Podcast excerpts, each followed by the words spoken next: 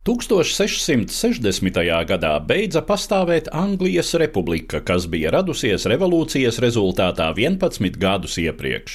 Notika Stjuārtu monarhijas restaurācija. Troni ieņēma revolūcijas gāstā un giljotinētā karaļa Čārlza I dēls Čārls II.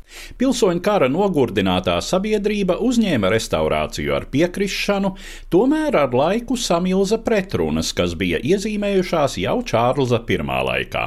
Tāpat kā tēvs, arī Čārls II bija tendēts būvēt absolūtu monarhiju, nerēķinoties ar Anglijas parlamentārisma tradīcijām. Par viņa paraugu un sabiedroto kļuva visvarenais Francijas karalis Luīss XIV. Arvien noteiktāk izpaudās Stjuartu simpātiju simpātijas pret katoļiem, un sabiedrībā sāka cirkulēt viedokļi par iespējamu plānu iznīcināt anglikāņu baznīcu un padarīt Angliju atkal katoļticīgu.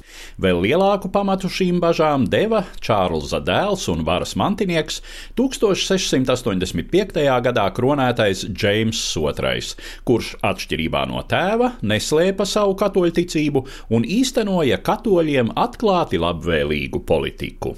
Kādu laiku stāv stāvokli vēl mīkstināja tas, ka Džeimsa vecākā meita un troņmantniece Mērija bija protestante, taču 1688. gadā tobrīd jau pavecajam karalim piedzima dēls, un tas varēja nozīmēt katoļticīgās dinastijas nostiprināšanos. Angļu aristokrātijas aprindās nobrieda apvērsuma plāns - gāzt no troņa Džeimsu un kronēt Mēriju.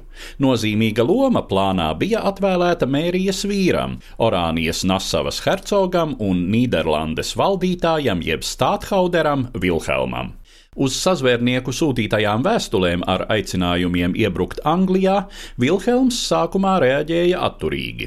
No dienvidiem Nīderlandi pastāvīgi apdraudēja Francija, taču tālākā perspektīvā Francijai draudzīga katoliska monarhija Anglijā bija Nīderlandē ļoti bīstama. Ap to pašu laiku Luīs XIV iesaistījās kara darbībā Vācijā, un Vilhelms izšķīrās. 1688. gada 15. novembrī apmēram 15 tūkstošu vīru lielas armijas priekšgalā viņš izkāpa malā Devonā, Anglijas dienvidrietumos.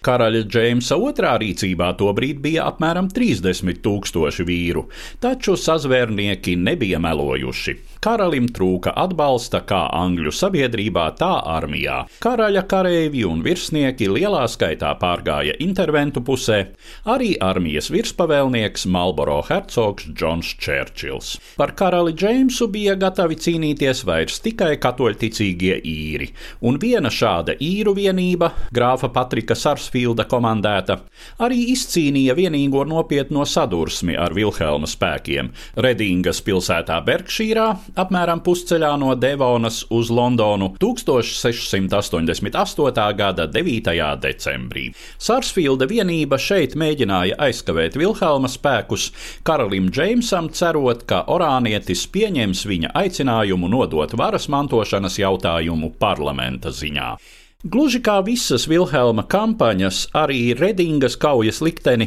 lielā mērā izšķīra vietējo iedzīvotāju atbalsts. Ar viņu palīdzību Nīderlandiešu vienība apgāja Sarsfielda pozīcijas, strauji ielauzās pilsētas centrā, savukārt vietējie atklāja uguni uz īriem no māju logiem, un pēdējie nekārtībā pameta Redingu. Šīs sakāves apstākļi pārliecināja karali Džeimsu pārtraukt pretošanos. Viņš mēģināja bēgt no Londonas, tika sagūstīts, un tikai vēlāk, jau ar jaunā kara karaļpāra Mērijas un Vilhelma ziņu varēja pamest Angliju.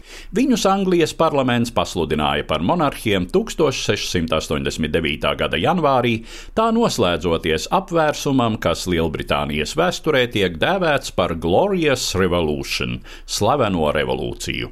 Daudzi vēsturnieki to uzskata par nozīmīgu robežšķirtni, kas noteica konstitucionālās monarhijas galīgo nostiprināšanos Lielbritānijā un deva pamatu šī šīs valsts varenībai nākamajos gadsimtos. Stāstīja Eduards Liniņš.